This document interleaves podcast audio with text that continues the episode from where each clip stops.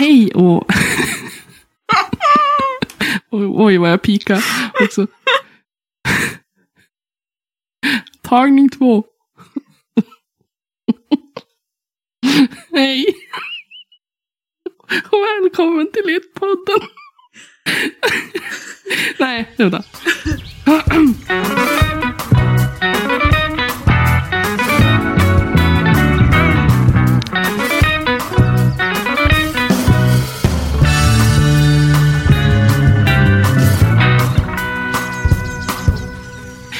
Hej och välkommen till Littpodden. Det är jag som är Elin.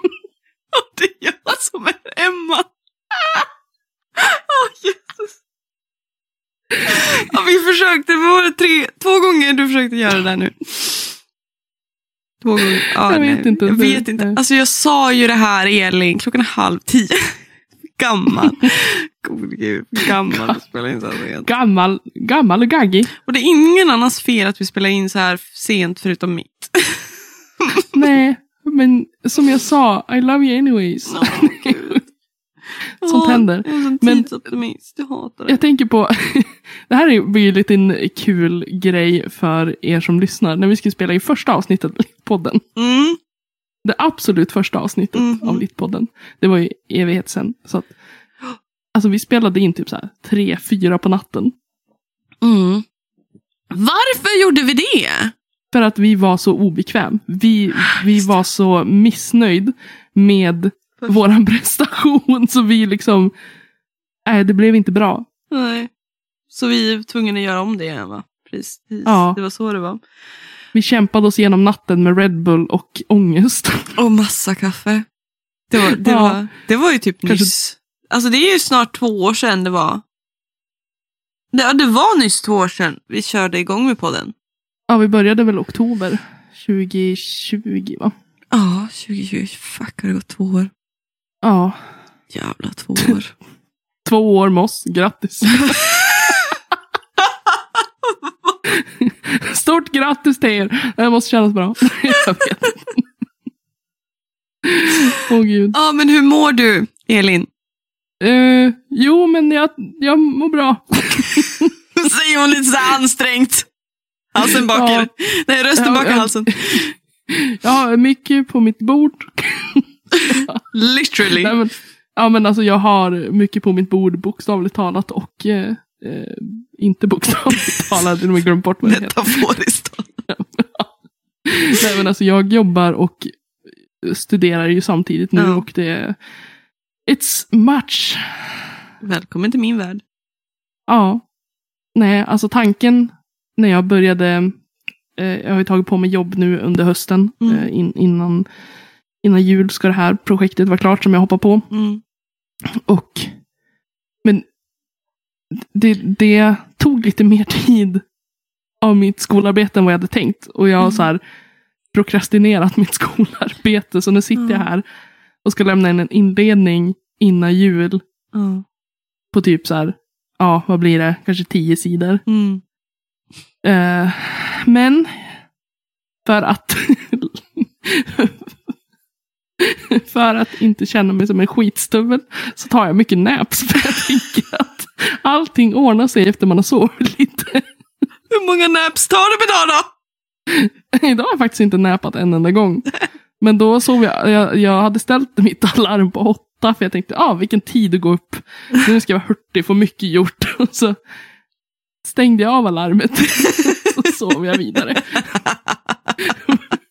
Vaknade tio och jag bara, whoops. Jag tänkte, ja men nu, nu, ska jag, nu ska jag komma igång här. Nu har jag Whoops. sovit så länge. Och så gick jag ner och skulle göra frukost, jag var så här in the zone.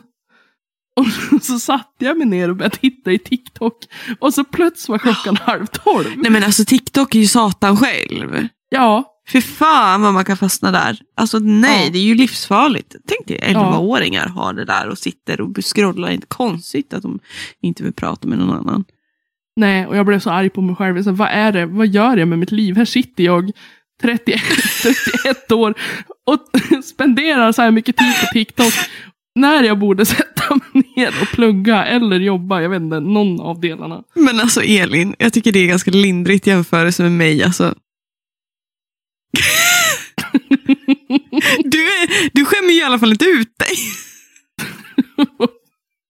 Vad har du gjort som, som skämmer ut dig själv då? Men det, jag tänker, du, så här, du sitter bara på TikTok och scrollar. Liksom. Det är ju ganska oskyldigt som 31-åring. Här sitter jag som 28-åring och lägger ut fucking videos.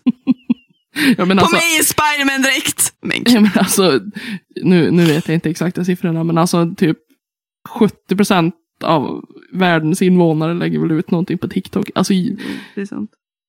Och det är inte skämmigt, alltså det, dina videos tycker jag är cool i alla fall. Jag kanske är partisk.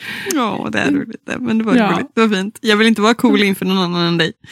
Äh, Mm, ja. Cute.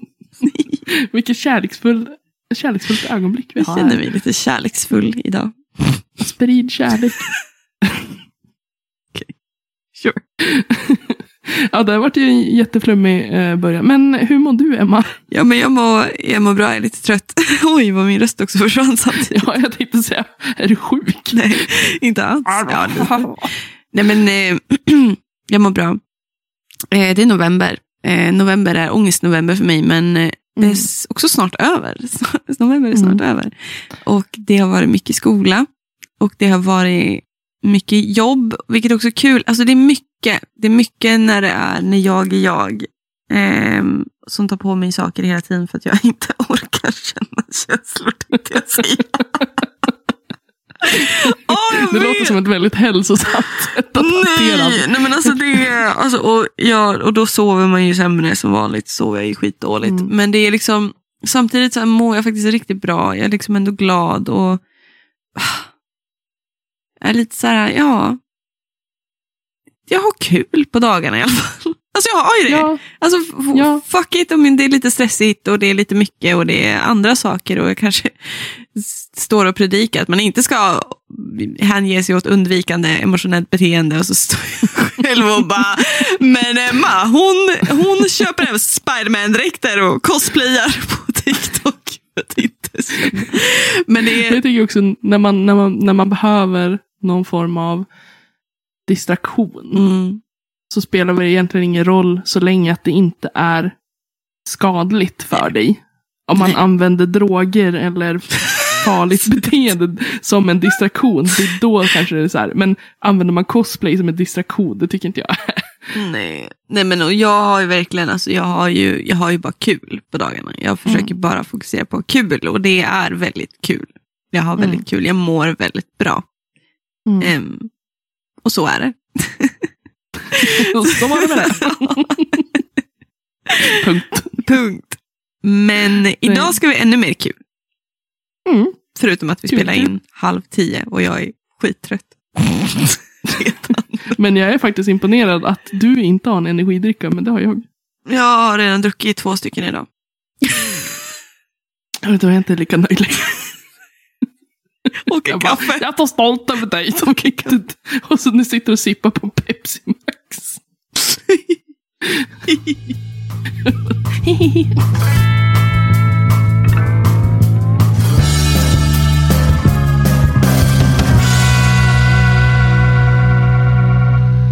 Nej men idag. Eh, det gör ingenting att vi är på lite, på lite fnissigt Nej. humör. Nej. Utan vi ska prata fantasy. Och det är alltid kul. Ja, och vi ska faktiskt köra lite fantasy generalisering tänkte jag säga. Vad var? Nej, men, eh, fantasygenren tänkte Ja. vi prata om faktiskt. Ehm, inte någon specifik bok, vi kanske slänger in lite boktips eh, så gott det går. Mm, jag såg att ni hade skrivit också på inlägget som Elin postade i, idag. Som idag Mm. är det tisdag. Emma. Ja, det är det nog. Jag litar på dig. Ja. Jag, faktiskt, jag behövde kolla min kalender förutom vilken dag är det Ja men alltså same, same. Hade inte jag haft seminarium idag då hade jag inte haft någon aning vilken dag det var. Oj gud. Ehm, nej men ja, så idag är det tisdag och du postade ett inlägg och då fick vi också lite härliga tips på böcker jag främst känner igen. Jag vet inte om du känner igen dem? Eh, alltså, jag känner igen författarna. Ja, okej. Good, good for you. Tack. Men jag tänkte också börja så här någonstans. Eh, vi har ju ganska många av er som eh, lyssnar som faktiskt läser fantasy eller, eller en subgenre till fantasy. Det är ganska Mm. svårdefinierat vad fantasy är. Förut tänkte man ju det var ganska enkelt. Då tänkte man ju Sagan om ringen är ju självklart fantasy. Typ.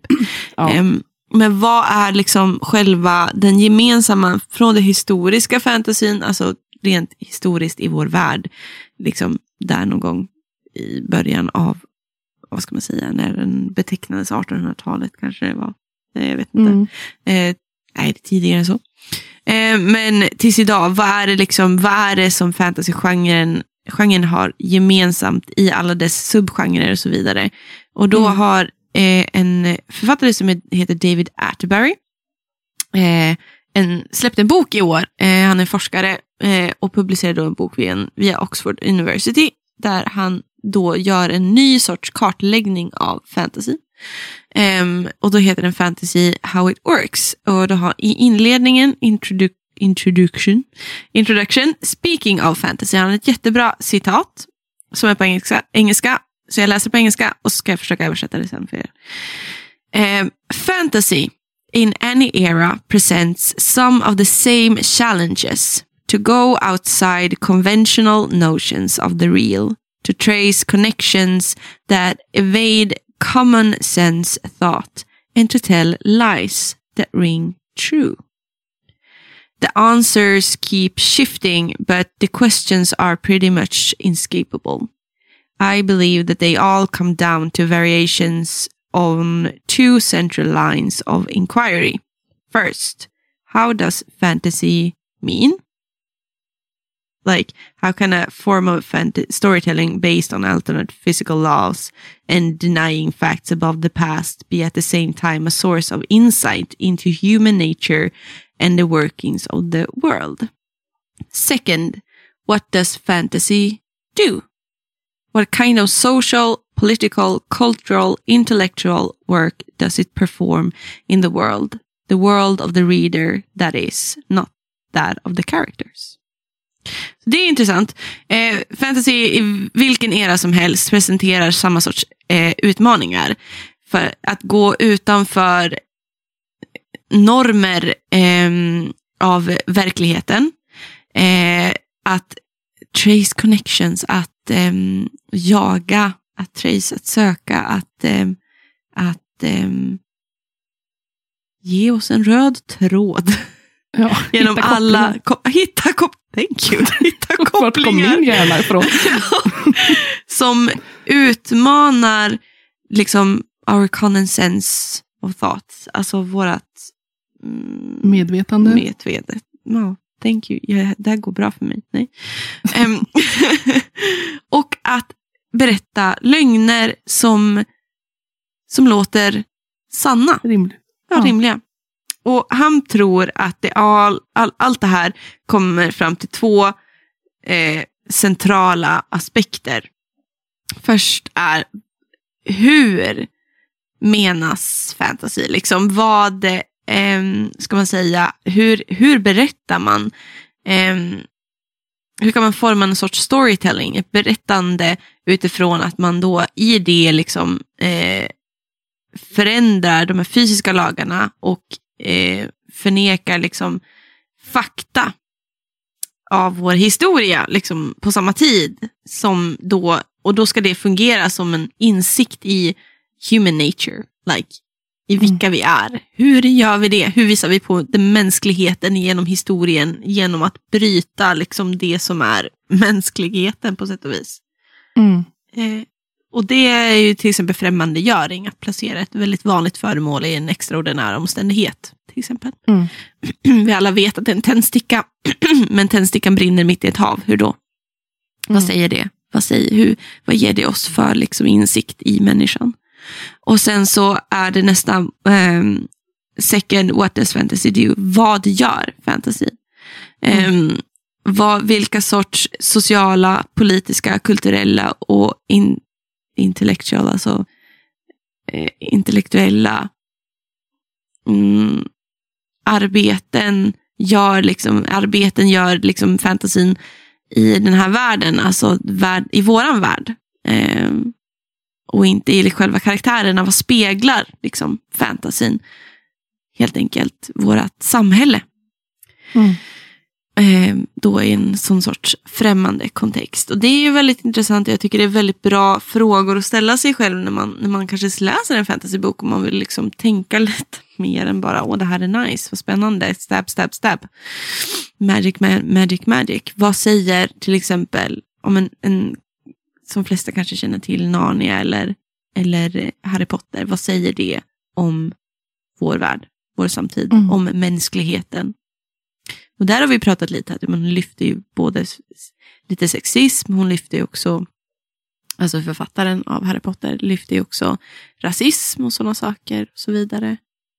Eh, Narnia så pratar ju han mycket mytologier och om att hela en trasig värld och sådana saker. Mm. Så det är väldigt intressant. Jag tror att det är därför fantasy fascinerar mig, för jag tror att det är väldigt så här, psykologiskt smart sätt att prata om tunga ämnen, men också prata om vår samtid så att alla på sätt och vis någonstans kan förstå.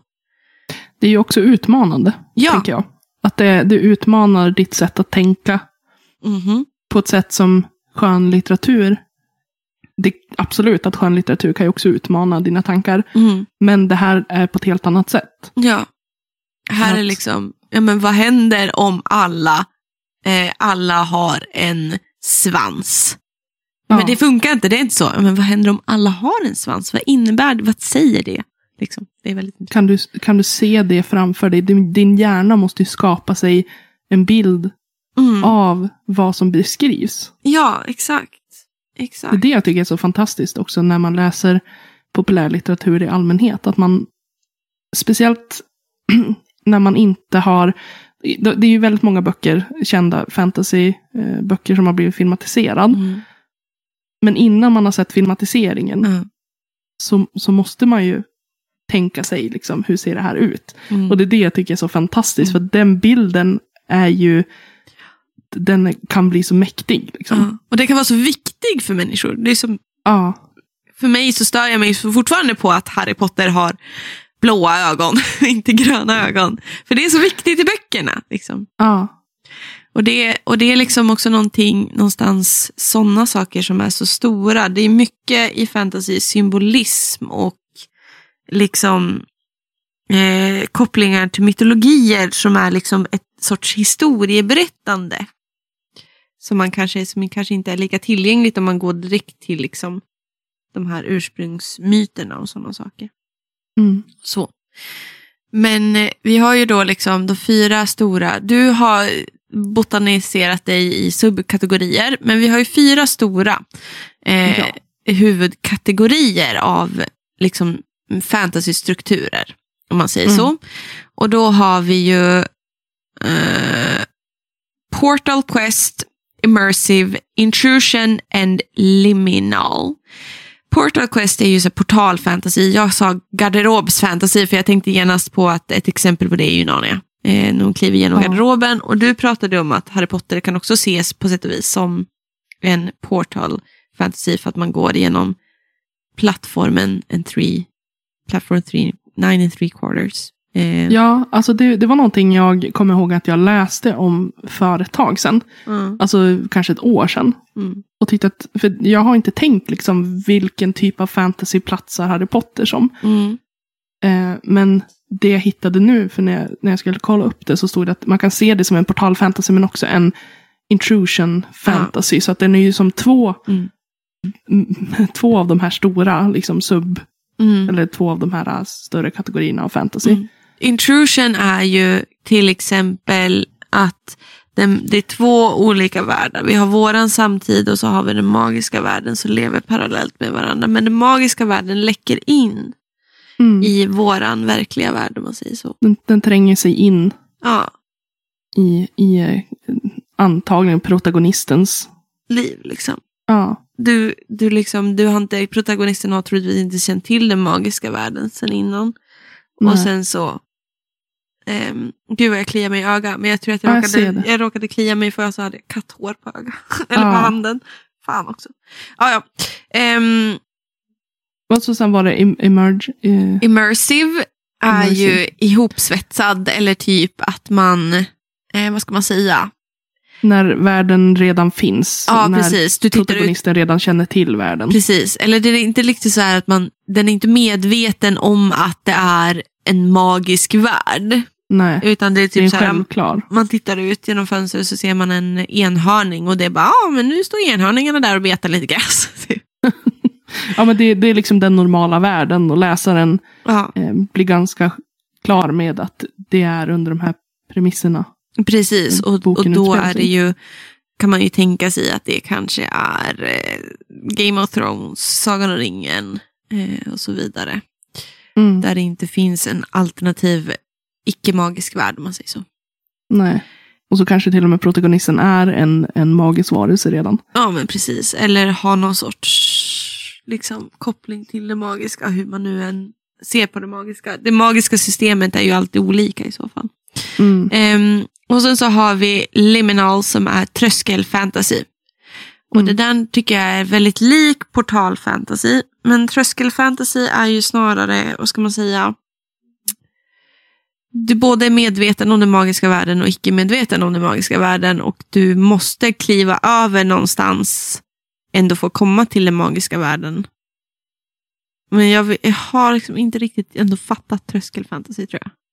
Kände jag nu. Nej, alltså det, jag tycker att det är jättesvårt att hålla reda på alla de här subgenrerna och Mm. liksom riktigt förstå. För att fantasy är ju så himla stort. Ja, Och det är väldigt svårt att förstå alla delar av fantasyn. exakt. Exakt. Och det man är ju också... ju. Det är ingenting man tänker på så mycket. Tänk, alltså när, när jag läser fantasy, då är det inte så att jag reflekterar över att det här är en portalfantasy. Det här Mm. är, det här är en urban fantasy, vilket vi kommer komma tillbaka till. Men, Mm. Så därför har man ju inte funderat så mycket. Nej. Nej, exakt. Utan det är liksom...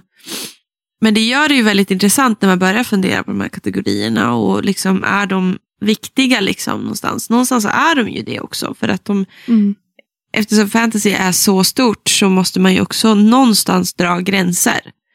Ja. Eh, Det måste ju finnas någon sorts skillnad mellan allting. Till exempel, du hade aldrig hört talas om steampunk fantasy förut, Nej. som en Exakt. subkategori. Mm. Ehm, och det är också väldigt nära, det jag försökte förklara lite, där det är väldigt, där sci-fi och fantasy står väldigt nära varandra på sätt och vis. Mm. Till exempel. Men det är också steampunk förutsätter också någon sorts moderniserad, eh, mekanisk 1800-tals setting typ. Ja. Och jag sa Jo, att, och det, ja, nej men det är det jag känner lite grann att i de flesta fantasyberättelser så känns det som att det finns att man använder sig av flera subgenrer, att man går över genregränser också. Att man, Mm. blandar, mm. man blandar lite här och lite där. ja, Och så blir det någonting, även om man hittar en, ja, men som Harry Potter, att det kan ses som en portal fantasy, men Mm. också som en, eh, som en intrusion fantasy, en Mm. påträngande fantasy. Jag, jag vet inte vad man säger på svenska. Men ja, inkräktande fantasy. Ja, inkräktande fantasy. Nej, men det känns som att många, många berättelser har delar av Allting. olika subgenrer och Ja. eh, att den går över genregränser. Mm. Jag tror att det är det jag också gillar med fantasy, att det är liksom Mm. det är ju en genrebrytande genre. Liksom. Ja. It's supposed to, liksom någonstans. Ja. Syftet bakom det är att den ska bryta mot konventionella normer, om man säger så. Även Ja. i storytelling. Om man säger så.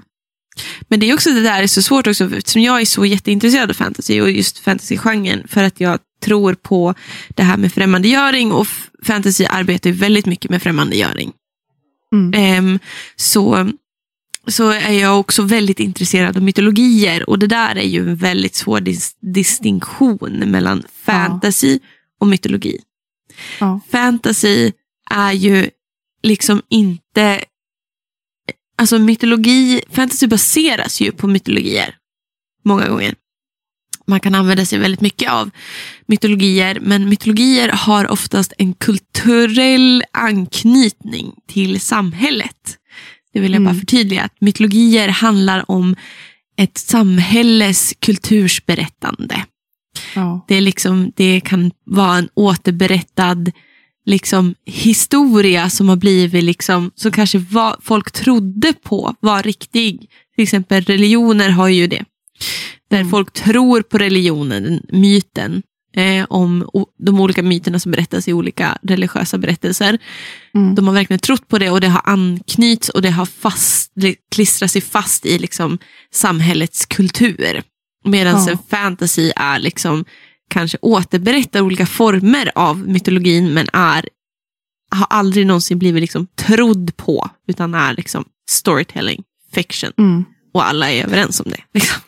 Ja, och sen finns det ju vissa, vissa myter som känns igen över hela världen. Och sen finns det ju liksom lokala som, som hör till ett specifikt land eller Mm. en specifik världsdel eller en specifik by. Liksom. Exakt. Exakt. Det, det kan ha vandrat men det kan också vara väldigt lokalt. Mm. Och det där är så Eh. intressant. Jag är ju väldigt intresserad av det Ar- Arthurian legend eller mythology. Eh, Arthur, Arthur och hans hundra riddare. och riddarna. riddarna Arthur kring runda bordet. Arthur och hans hundra riddare. Arthur och, och riddarna. Vad är det för berättelse? Och det är ju också så intressant, för det där är ju blivit en myt, för det här var ju också en kulturell återberättelse. Det här är ju en återberättelse av liksom det tempelriddarorden baseras på, men det det handlar om handlar ju egentligen om att det är en återberättelse av letandet efter den helige graalen. Den helige graalen är en myt som kommer ifrån kristendomen. Mm. Det är liksom, och jag tror att det är liksom så, så fascinerande hur fantasy fungerar så, för att Arthur-legenden är ju nerskriven av T.S. White. Gud, jag, jag ser namnet framför mig, jag ser boken framför mig, jag kommer inte på riktigt om det är rätt. Men, och det är ju The, the Once and Future King eh, av Mm. Avalon. Eh, och det är ju liksom nu, det är ju en fantasybok, men det baseras ju på en myt. Han har ju skrivit ner myten så att det blev en fantasybok. Och det, är så, Mm. det, är jätte, alltså det är så krångligt och det är så fascinerande och så spännande. Ja. Tycker jag. Just den strukturella storytelling. För, men det pratade vi också om, för när vi liksom pratade inför det här avsnittet. Mm. Så pratade vi, du nämnde liksom Arthur Mm. eh, och... går- Riddarna runt det runda bordet.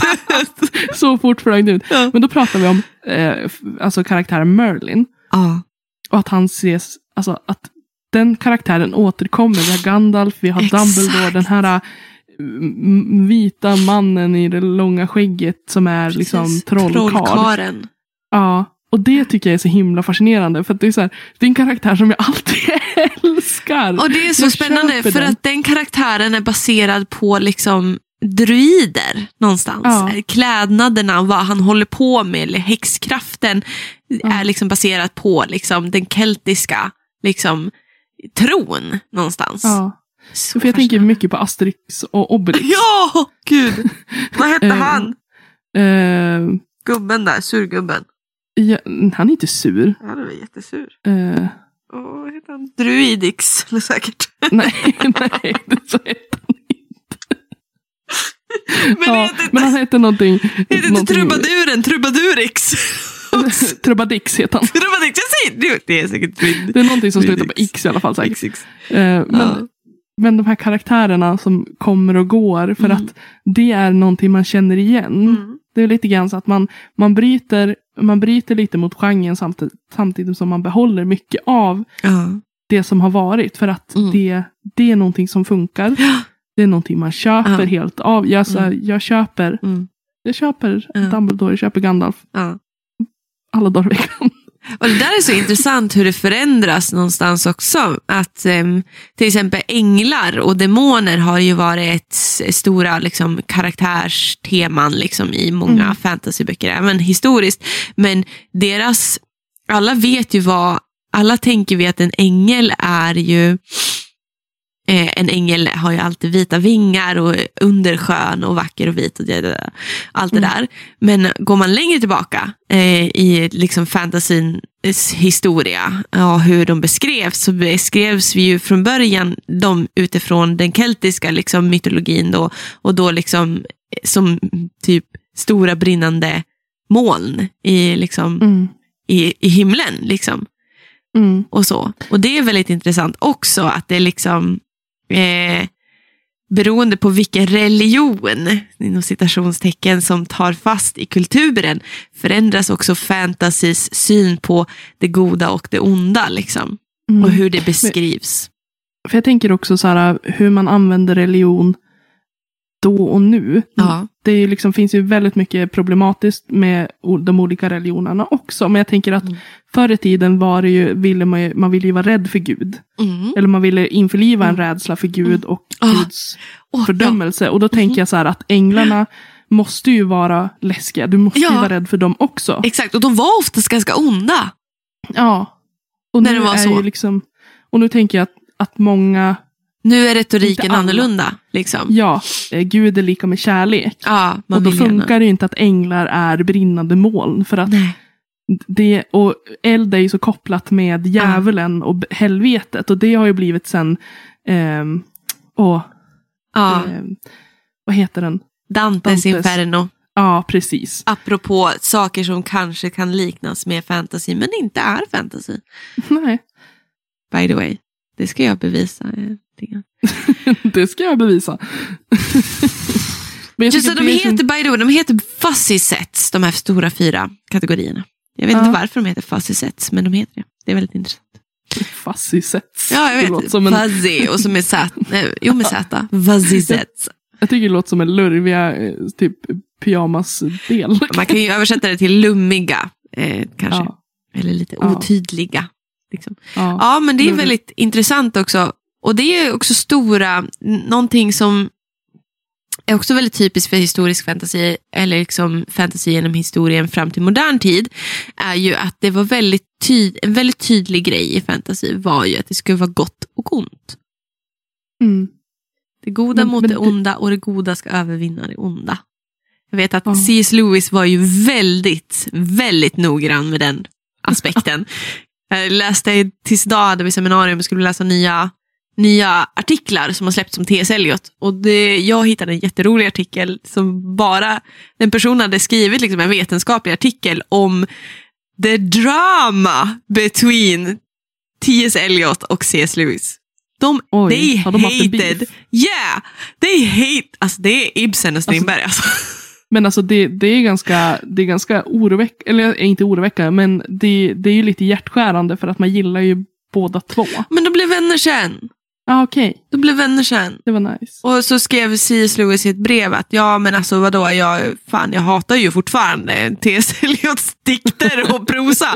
men alltså, han är ju en riktigt bra vän i alla fall. Men alltså, är inte vänner så att man ska kunna vara, så här, man ska kunna dissa varandra och ändå tåra det? Hatar du det jag skriver? Men jag älskar det du skriver. Men, men det var som när Emma, Emma ringde mig precis innan det här. och bara, Ah, men jag blir lite sen, hon hade sagt halv nio. Jag, bara, ah, jag hade ändå räknat med nio. Och jag Det var- nej! Det är, det är en diss, fast det är en vänskaplig och, och, och kärleksfylld diss. Ja, i Jag alla tänker att en fall. vänskap är ju inte liksom bara att man smörar för varandra, utan det är ju att man kan vara ärlig också. Ja, fast alltså C.S. Lewis, han var the pettiness of that man. Alltså, han, alltså, han tog ju olika, del, alltså, olika dikter av T.S. Eliot och bara gjorde världens satir på dem och publicerade dem. Men, men Nej, säga, nej. är inte det lite typiskt män? Ja, det, alltså, alltså gode gud, alltså män. Alltså nej, men alltså Det känns män. som en så här mätartävling, men jag tänker inte säga i vad. Mätartävling. kukmätartävling. Ja, nu, nu blev det Ja men vadå, det blev en tvångstanke. Du kan ju inte säga så och ska tro att jag inte ska nappa på betet. Nej, förlåt. men jag tänker också på C.S. Lewis, med tanke på när han skrev eh, Narnia. Mm. Också att barn, i och med att han skrev barn och ungdomslitteratur, Ja, så skulle ju också det vara fostrande. Exakt. Därför är det ju extra viktigt då, tänker jag, eh, för han då, när han skriver att gott övervinner ont. Ja, Att dels att det ska finnas ett omhändertagande som vi har pratat om när det Mm. kommer till barn och ungdomslitteratur, Precis. men också att det ska vara väldigt tydligt med vilken som är den rätta sidan. Din ja, moral Ja. är viktig. Ja, och sen så kom ju liksom, mm, C.S. Lewis tillhörde ju också en väldigt, ehm, en väldigt protestantisk liksom, del av kyrkan som Mm. vill vara där i början av 19- 1900-talet väldigt fokuserad på det positiva budskapet i kristendomen. Liksom. Eh, och då väldigt mycket på det här med nåd, uppståndelse och förlåtelse och så vidare. Men det är så intressant också för att det där är också, mm, när man kollar på C.S. Lewis Narnia-serier, specifikt som ett fantasy-exempel rent historiskt, så, um, så är det ju där det goda övervinner det onda. Men man ser också att han utvecklar som en förståelse för fantasyn, fantasygenren och utvecklar också fantasygenren till att ut, man vet Alltså generellt, nu tänker jag generellt att det kanske inte är så generell kunskap, men Aslan ska ju vara typ en symbolism för Jesus och Jesus uppståndelse mm. och offran och så vidare och vidare och så typ förlåtelse och så vidare, och vidare. Men att ju längre man kommer i serien, när man kommer typ till, till sista striden och silvertronen där, så blir det som en annan sorts invävnad av religion. Mm. Den är fortfarande väldigt svart och vit, vilket är väldigt så här, ah, sucks to be you, C.S. Lewis. Men också en väldigt större förståelse för att människan inte är svart och vit. Mm. Um, och det, det, det är väldigt intressant liksom att där började han någonstans, det, sen tog det många år. Det är ju inte förrän kanske i modern tid, i början av 70-tal och 80-tal som man börjar prata om den här ah, grå, gråa protagonisten. Liksom. Den mänskliga mm. protagonisten. Men Innan dess så var det väldigt distinkt för fantasy att protagonisten den är god. Mm. Och antagonisten den är ond. Vi ska inte ha förståelse för annat. Liksom. Så. Um, men att man kan se tendenserna väldigt mycket i C.S. Lewis Narnia-serie. Ja. man säger så. Det, det, var jätteintressant. det var en jätteintressant artikel. Ja, jag förstår också. Det. Han är jätteinfluerad av T.S. Eliot trots att han hatade T.S. Eliot. Så det ska verkligen sucks to be you, you man. Hat leder ingenstans. Men, Men ja. Jag tänker, jag, jag, tänker, ska vi bara prata lite grann om de här subgenrerna och vad, vad vi föredrar? Ja, lite grann. Sure. Prata vår egen läsning lite grann. För det är alltid intressant kanske, jag vet inte. Ja, jag menar alltså, det är, om inte annat så är det ju boktips antar jag. Ja. Ja, kör. Vad har du för någonting för mig? Uh, nej men alltså när jag väljer uh, fantasy. Mm -hmm. Så alltså det, den, jag kan börja med så här, den fantasy-serien som, eh, som jag alltid återvänder till, det är ju Harry Potter. Ja. För jag tycker att Harry Potter har allt. allt jag vill ha. ja, okay. finns i Harry Potter. Hör att du är inte så bevandrad, om man säger så. Nej, men det, jag tror att det, det handlar om det här nostalgiska för mig. Ja.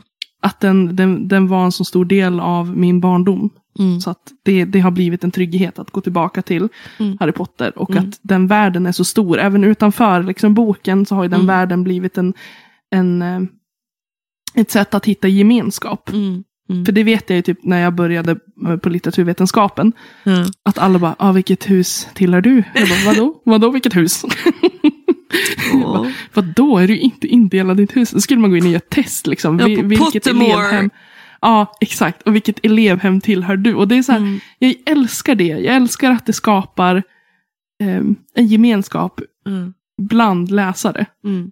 Sen som vi har pratat mycket om förut, att man kan ju tycka vad man vill om J.K. Rowling. Ja. Men världen hon har skapat är ju större än vad hon är.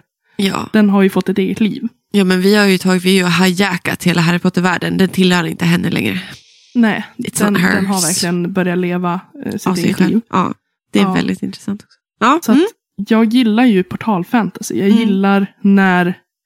Eh, att kliva in. Mer, ja, precis. Och när det är eh, intrusion fantasy. Alltså när den tränger in. Mm. Att jag, jag, tycker om när pro protagonisten inte är medveten om den världen. Mm. Och sen förrän blir det, det händer någonting. Ja. Jag, jag, eh, jag har haft jättesvårt att läsa fantasy där jag måste köpa världen helt och hållet. Liksom. Jo. Typ som Sagan om ringen. Jag älskar Hobbit, men Sagan om ringen är väldigt tragglig att ta sig igenom. Mm. För att det är så mycket som du bara ska köpa rakt av. Jo. Immersive fantasy är ju också väldigt mycket världsbyggande. Man säger så. Ja. Det är oftast, man kan titta på immersive high fantasy. är ju en subgenre mm. då, till exempel. Med, ja. Medeltida fantasy, typ. Om man säger så. Ja. För high fantasy då är ju liksom själva handlingen mm. och tematiken, den är ju det, det, är ju bara liksom det här ja, att de kanske har, som i Sagan om ringen till exempel, de, de ska utföra Mm. eh, The Quest. Mm. Vad heter det på svenska? Äventyret. ja, äventyret. Gud vad dålig jag känner mig. Men det här äventyret, liksom Mm. att det är bara f- magi. ja. Och jag vill gärna, gärna känna en koppling till min egen värld. Jag vill känna Mm. så att okej, det här är någonting som inte kan hända, men det kan hända. ja, exakt. Men sen, ehm, så att jag antar att jag gillar low fantasy mer än, än high fantasy. För att low fantasy innehåller ju färre magiska inslag. Ja, precis. Men jag gillar ju också, så, alltså det är ingen chock om man har hört oss eh, hört oss tidigare att jag älskar romance fantasy. Ja, Smatt fantasy. fy fan. Sluta. All right, all right, all right. Men Jag gillar typ så här, alltså vampyrer. Ja, Inte så Det- mycket för varulvar. det är ju ganska, det är ju ganska så här gothic fantasy, men jag vet inte om det är paranormal. Nej, det är inte heller riktigt Alltså romance fanns ju som en fantasy subgenre. Alltså romance fantasy. Ja, okej. Så att jag bara antar att det är en grej. Jo, men alltså Men- sen är det ju där, subgenrerna går ju också in i varandra. Mm, Romance ja, fantasy, men kanske typ gothic fant eller dark fantasy. Typ. Men alltså jag har svårt för, jag vet att det här med varulvar är ju väldigt stort nu, speciellt om man, eh, alltså i smattgenren. Men jag har så väldigt svårt att tänka bort det där djuriska, alltså det, det känns så Alltså, jag- himla weird. Sluta. Kan ni bara Ja, men det sluta? är ju weird, vi har ju pratat om det här förut. Jag vet, det var Det är fruktansvärt. jättekonstigt. Eh, men jag dömer ingen, jag bara känner att nej, nej, okej. Bra att du förtydligar det. ja, men, det kändes som att jag var så lite high and mighty.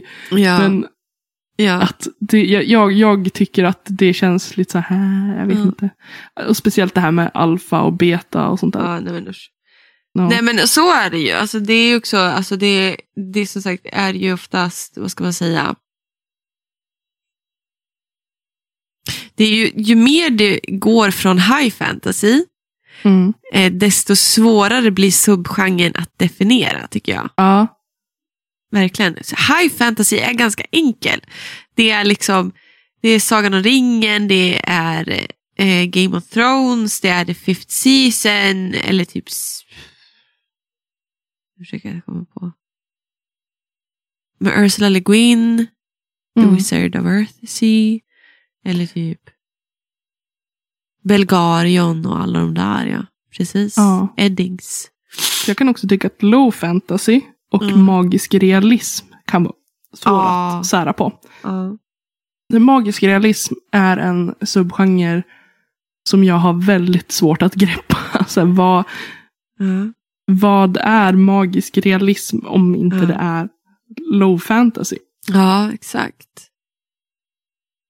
Och det, är Mm. liksom, och det blir så här, äh, magisk realism kan ju alltid vara allt ifrån, liksom, alltså det är ju också en väldigt spansk, jag för mig, genre. Alltså den är inte så populär i, i Europa, så man har inte mött det så mycket. Nej, alltså jag kommer direkt att tänka på en bok eh, som jag har glömt bort. Det är en kinesisk författare som vann Nobelpriset för några år sedan. Ja. Eh, och inte för att sega vidare med det här, men jag vill nästan kolla upp Är det det. Harukami? Nej. Uh, eh, Shimenau och hans sju liv av Mojan. Ja, Mojan. Ja, okej. Och jag har ju köpt jättemycket böcker av Mojan för jag älskar hans sätt att skriva. Ja. Men just när Shimenau, um, där återföds han ju. Det handlar om en bonde som dör och återföds till en massa olika djur. Ja. Och det är magisk realism. Right. Han lever sina liv som djur. Ehm, och då genom åter, eh, återfödelse. Ja, precis. Återigen det här religiösa inslaget. Liksom. Ja, precis. Och Men- den, men då är det också så här, det känns lite som fast, men det är så här också, det enda som är då magiskt i cit- citattecken, det är ju då att han återföds som djur, men det är inget annat övernaturligt Nej. som sker. Han Nej. lever ju sitt liv som ett djur gör Ja. I den här världen, bara det att man får följa hans tankesätt. Mm. Hans medvetenhet. Mm.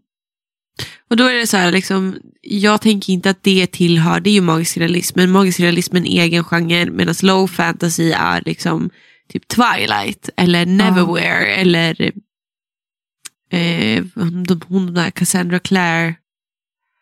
Ja, den sk- eh, Mort- Mortal Instruments. Eh, City of Bones, Ja. böckerna där. Ja, något sånt där. Jag har inte riktigt koll på Nej. dem. Nej. Men du förstår vad jag menar, att ibland Ja. kan det vara väldigt svårt att definiera Ja. vad som är vad. Mm. Jag tänker att det är liksom så här, low fantasy är mer contemporary fantasy. Mm. Alltså nutida fantasy. Det, det utspelar sig, det finns ett magiskt system i vår nutida värld. Mm. Som man sen, alltså väldigt lik portal fantasy men samtidigt inte. Liksom. Ja. Ja, Men eh, du, du är kanske mer high fantasy då? jag är väldigt mycket high fantasy är jag. Eh, men också har jag liksom, eh, vad ska man säga,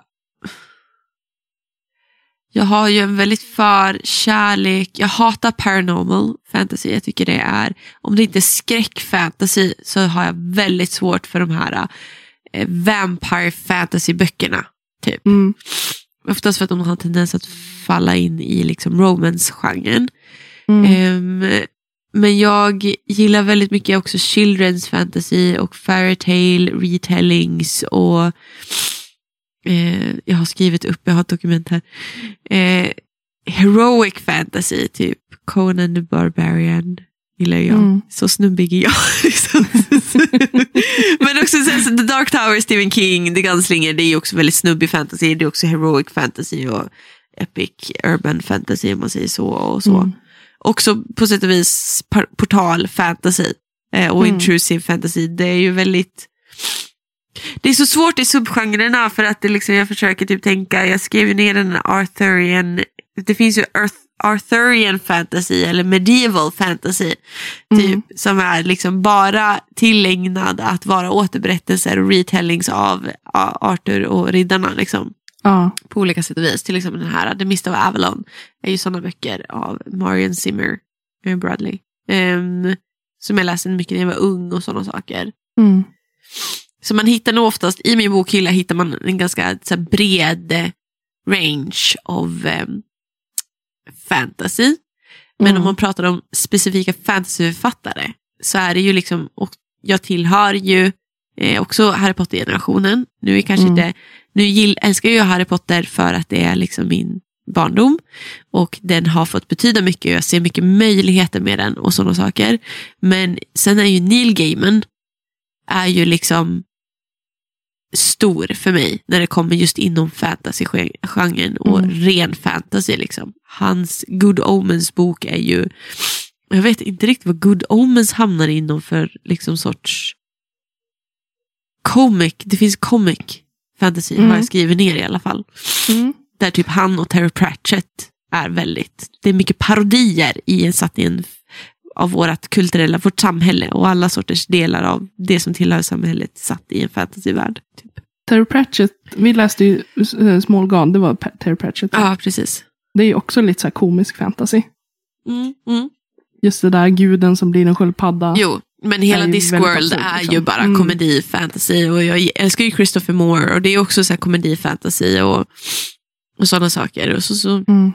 Vidare. Jag har en väldigt bred smak när det kommer till fantasy. Jag vet bara att jag inte gillar fantasy, eh, romance och paranormal fantasy. Det är oftast det som är, har jag svårt att sätta mig ner och eh, njuta av, om man säger så. Eh, Ja. Jag är inte så intresserad av sådana relationer. du, vill ha, du vill ha brutalt våld. Ja, men jag, vill, jag vill ha dem lite så här, hugga av huvudet. eller så få mig att skratta eller få mig att darra. ja. Ehm, och jag, men jag tänkte på det idag, nu när vi skulle spela in det här avsnittet. Jag har börjat läsa boken Babel av R.F. Kuang. Mm. Kuang, jag kan inte uttala. Ehm, Och jag är så här, jag har haft en så här reading and writing slump. Jag har varit så, jag har tagit upp böcker, börjat läsa och så lagt ner dem igen. Mm. Liksom, jag har bara inte kunnat sitta still. Och sen så tog jag upp den här boken nu i helgen och hade lagt ner den för någon veckor sedan. Liksom började, läste typ, så här, typ första kapitlet, halva första kapitlet tror jag till och med var. Ehm, och så bara tog jag upp den igen och så började jag läsa och så bara, this is my type of fantasy. Mm. Det här har de skapat liksom en sorts komplexitet i fantasin. Eh, utifrån myter och legender, språkhistoria och historia. På ett sätt som är så, det blir som en sån väv av intertextualitet så att jag bara sitter där och bara Det bara hits the right spot. Ja, För alltså- jag vet att när jag var hos dig Alltså jag sist- stönade högt när jag såg att hon använde fotnoter. För när jag var hos dig sist, så hade du hade ju köpt den här boken och du hade ju sett fram emot den så länge. Men du Mm. var också väldigt rädd för att liksom börja läsa den för att du ville inte bli besviken. För den Mm. var så hypad. Mhm. Så att den, Yes. den var ju verkligen så här, den hade höga förväntningar. Ja. Nej men alltså verkligen. Och det var verkligen, jag känner liksom redan nu om att nu vet man liksom att det här det här kommer vara en av mina bästa läsningar. Även om det är bara så att resten av boken är skit så kommer det vara en av de bästa läsningarna i år. Och det känns väldigt lovande att jag får avsluta året kanske med lite den här. Och så. Men det älskar jag väldigt mycket. Det här, äh, en sorts komplex fantasy. Tycker Ja. jag om. Jag tycker att det ska vara komplext. Och sen så Mm. hur man gör det komplext. Det ska kittla. Det ska vara lite så här. Det ska lära mig någonting också. Liksom. Jag Mm. gillar inte. Och plötsligt så kan du bara trolla. Mm. Jag vill ha förklaring, jag vill veta varför du är Gandalf. Liksom. och det är därför jag kanske gillar Silmarillion mer än Sagan om ringen. Ja. Trilogin. Liksom. För att jag, vill, jag vill se systemet, jag vill se strukturen. Och jag tycker det, för det gör det väldigt verkligt, väldigt troligt för mig. Och jag Mm. får, åh vad jag låter pretentiös. Men jag, jag, jag tänker också så här, när det kommer till populärlitteratur jämfört med skönlitteratur. ja. Speciellt när man har fått liksom en inblick i det här i den litterära världen och hur det funkar och grupperingarna som finns. Mm, mm, Så tycker jag att acceptansen och gemenskapen är Mm. absolut mycket större i populärlitteraturen. mm. För att även som du då som gillar, om man tar fantasy-genren high fantasy och jag som gillar low fantasy, att det Mm. finns liksom ingen så här, i- ingen ser ner på den andra utan det är bara accepterat att okej, vi Ja. gillar fantasy, Mm. vi, vi liksom bondar över det. Ja. Däremot i skönlitteraturen kan det vara så här, aha, gillar inte du det här? Mhm. Mm, Du gillar inte den här romanen, varför då? mm, Det känns som att det finns en större acceptans att vi alla är olika inom populärlitteraturen. mm. Ja, och Speciellt det, och det som liksom... litteraturvetare. Jag tror också mycket så här, särskilt när det kommer till mm, liksom populärlitteratur som har med liksom just fantasygenren att göra, just för att Alltså typ, okej Neil Gaiman är ju både ko- alltså komedi, fantasy, Mm. men han är också väldigt mycket gothic fantasy. Jag tänker på typ Mm. The Gra- Graveyard Book. Eh, ja. Vi har ju också typ, alltså grim dark fantasy. Det Låter det skrivit rimligt? Coraline också. Jo, precis. Eh, Den är också ganska ja, gotisk. exakt. Men alltså grim dark fantasy är ju fokuserad, alltså om jag kommer ihåg det, om jag vet inte om det är just grim dark det heter, men jag tror Mm. det. Dark fantasy in a way. Ehm, det är ju väldigt fokuserat på liksom anti-heroes. Och där hamnar ju även Game of Thrones.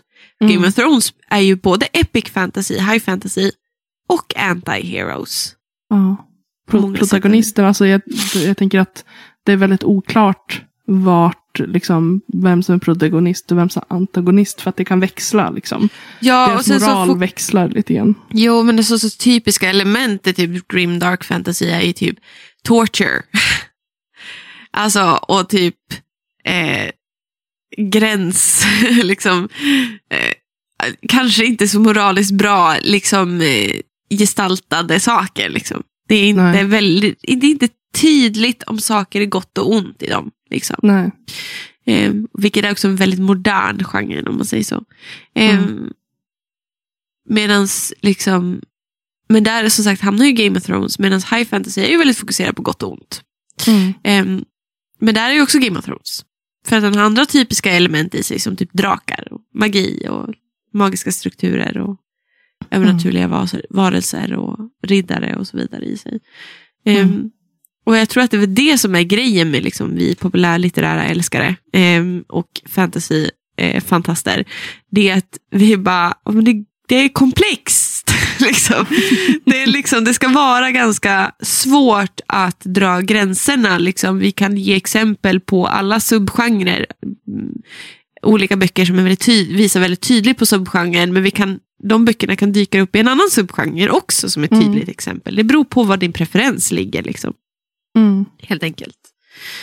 Ehm, och så. Men sen så har vi också en ny liksom, subgenre. Jag vet inte om du visste det. Nu Nej, sitter jag, nu bara så- kapar jag det, för det var du som skulle ta subgenrerna, förlåt. Nej, men alltså, det är svårt att veta vilken genre du pratar om utan att säga vilken det var. Kommit Den- en ny. Den heter, det? den heter The, New Weird. Okej, Nej, det har jag inte hört talas om. Man har ju weird fiction. Eh, finns ju också en gammal liksom, fantasygenre. Eh, Mm. Som kanske H.P. Lovecraft är weird Mm. fiction. Eh, men det är ju snarare kanske en typ gothic fantasy idag. Ja. Eh, the new weird är typ böcker som Annihilation, an, an, an, an, Annihilation. anhi, annihilation. Annihilation. Annihilation. Ni vet när, när de går igenom den här stora slöjan och så bara åh gud, det här är inte roligt. typ, här blir jag uppäten. Men ehm, Det är inte roligt. det är inte roligt. Men det är liksom väldigt mycket, om man ska säga, en väldigt typisk, den, den påminner som sagt väldigt mycket om den gotiska fantasin. Men den är lite mer absurd då, eller vadå? Ja, men precis. Mer...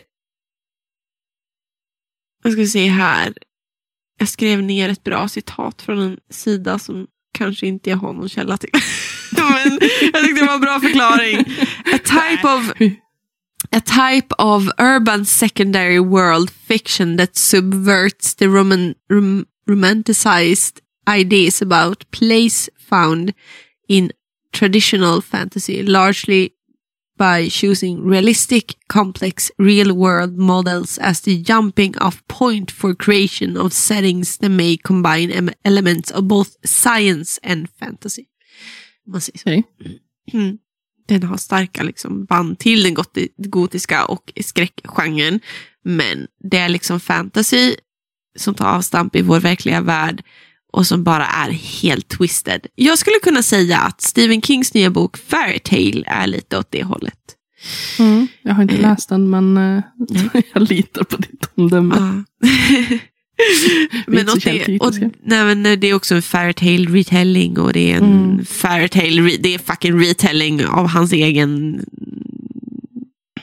genre, tänkte jag, Stephen King-genren. Ja. Och sen, sen är det också så här att det man kanske såg som en subgenre, att en bok faller inom en subgenre idag kan ju hamna i en annan genre om 20 år också. Ja men exakt. Det är ju hela tiden i rörelse. Det är en, en genre är inte, är inte statisk, den är Nej. dynamisk. Nej.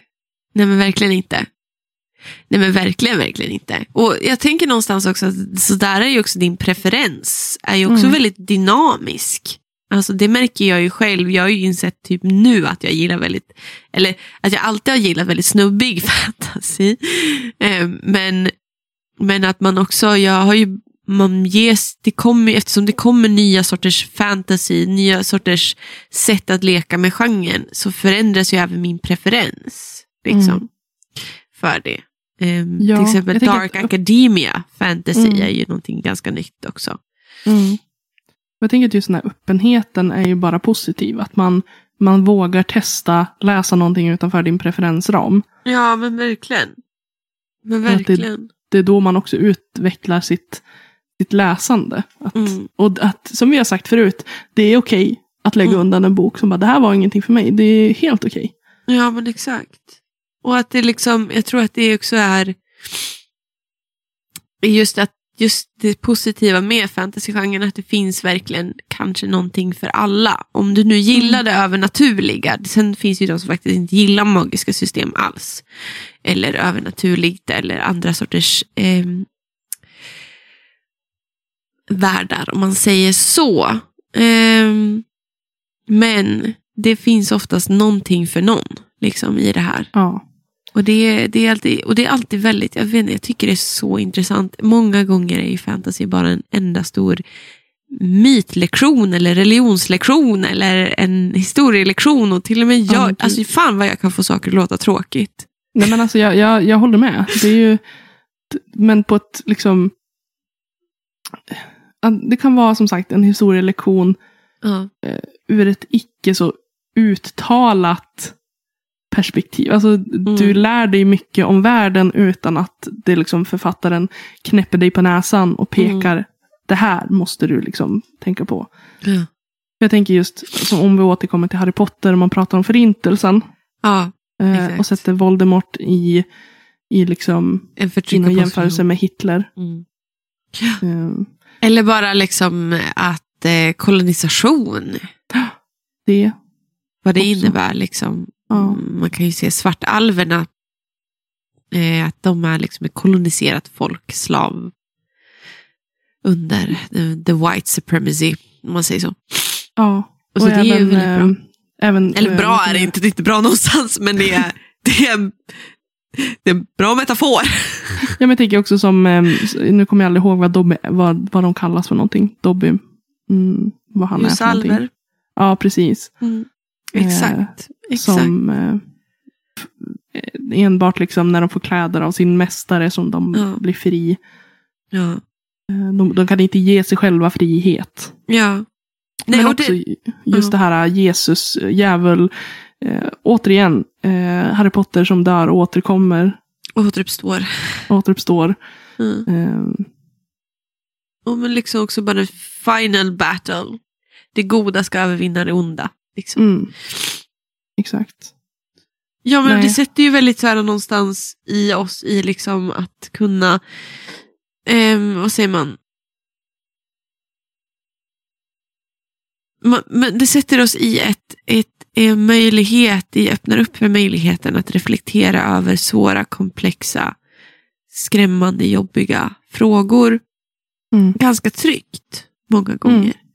Det är liksom fantasyböcker eh, är ju oftast en, bara en, en gigantiska metaforer Ja. liksom för problem, frågor och funderingar många gånger. Det är liksom även de här enkla, snubbiga nu, Enkla, snubbiga. Ja, men väldigt simpelt skrivna, enkla, snubbiga fantasyböckerna som jag gillar. Typ Bar- Mm. Conan the Barbarian eller typ eh, Arthur-legenden. Där, där, där ifrågasätts ju det här med, om man tittar på Arthur och riddaren runt runt det runda, det runda bordet. Jag vet inte vad som. Min hjärna, så den bara, det gick inte. Ehm, där kan vi ju prata om det här med arranged marriage, till exempel. Ja.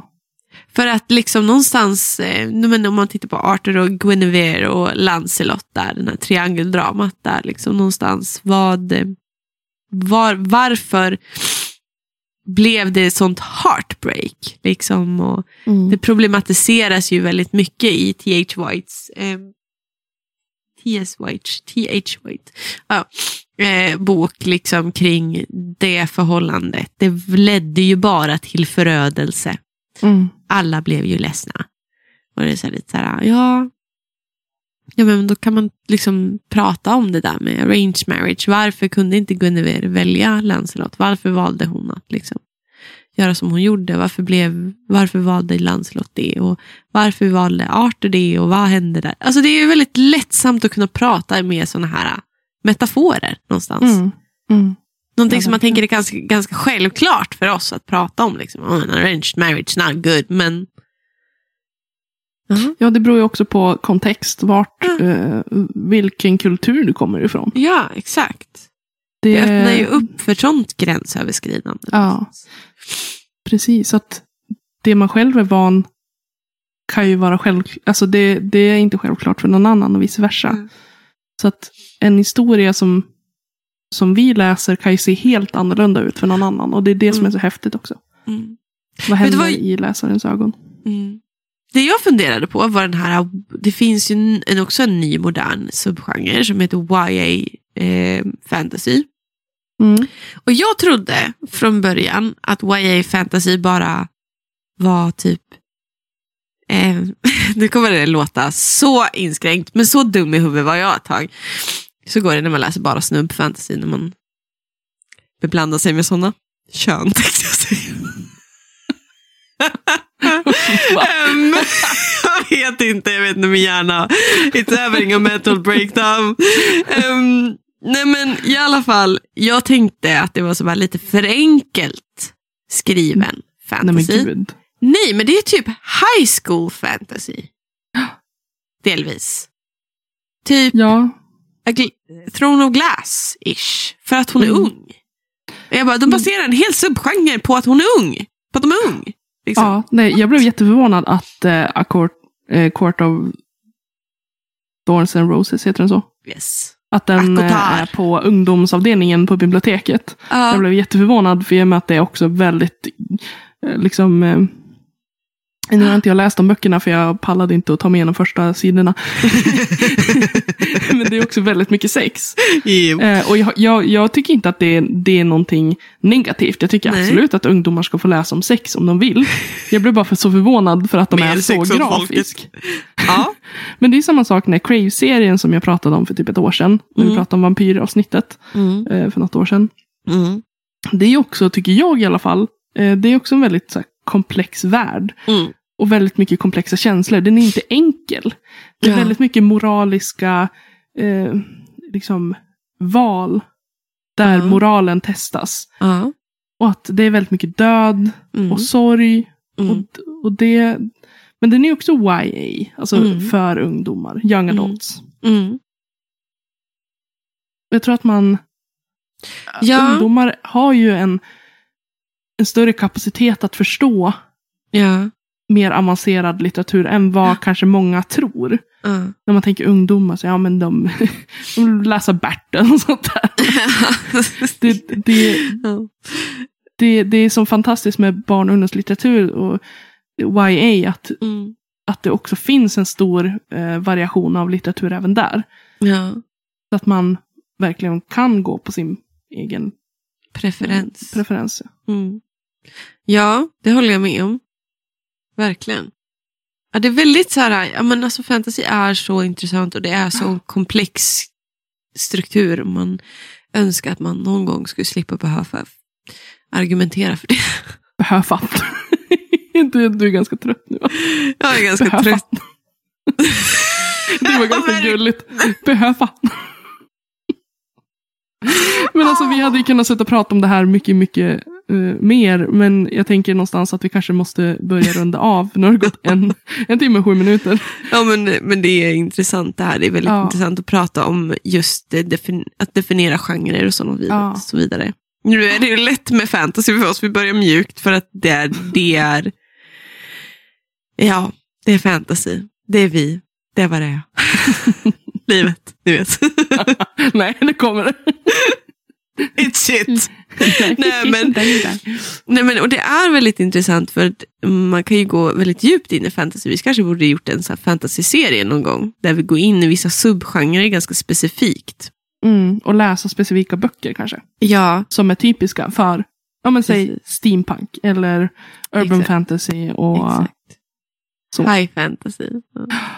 Nej men alltså verkligen, det tror jag verkligen på. Ehm, men det är också väldigt intressant bara liksom att, att dra genrer någonstans. Vi Ja. skulle ju kunna inte köra romance-genren.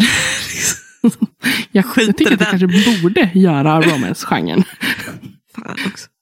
Du har ju faktiskt läst några romance som du faktiskt gillar. Nu, att, ja, som jag faktiskt också till frivilligt läst. Men Ja. nu så köpte jag en bok som heter Ledge av någon TikTok, eh, BookTok-kändis som skrev en bok. Och den ska Ja. visst vara bra. Och en kollega till mig gjorde den liksom, hon annonserade ut den att om man gillar Rysand i A Court of Thorns and Roses så ska man läsa Ledge.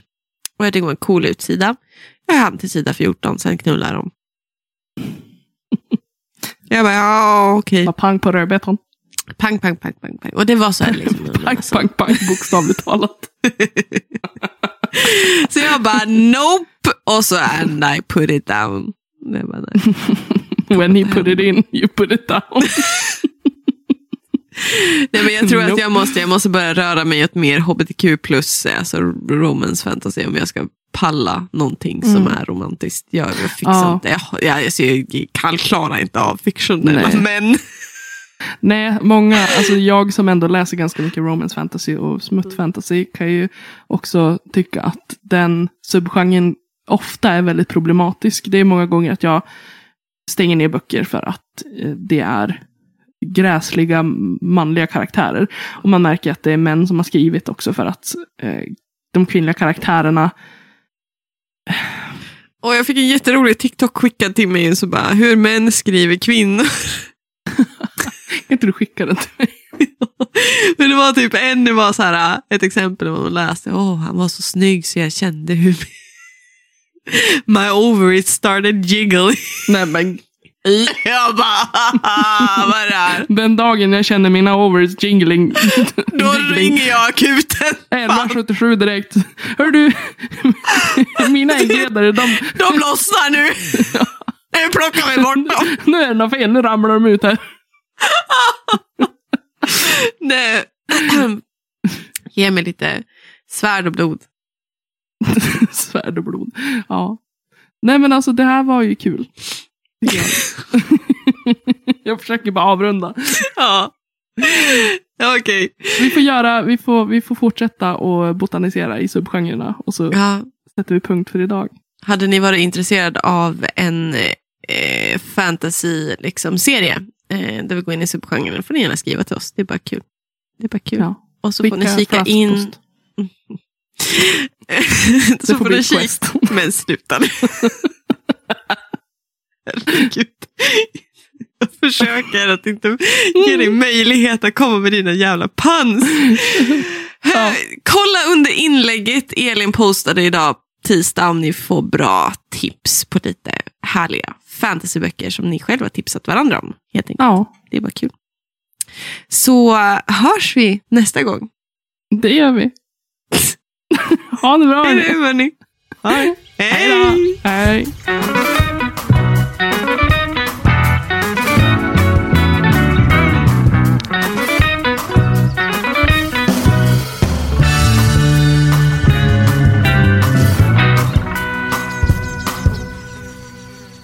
Har lyssnat på Littpodden med mig, Elin Oslin och Emma Granholm. Musik och klipp av Magnus Kjellson och Robert Granholm. Management av Ida Berglund. Tack hörni för att ni har lyssnat.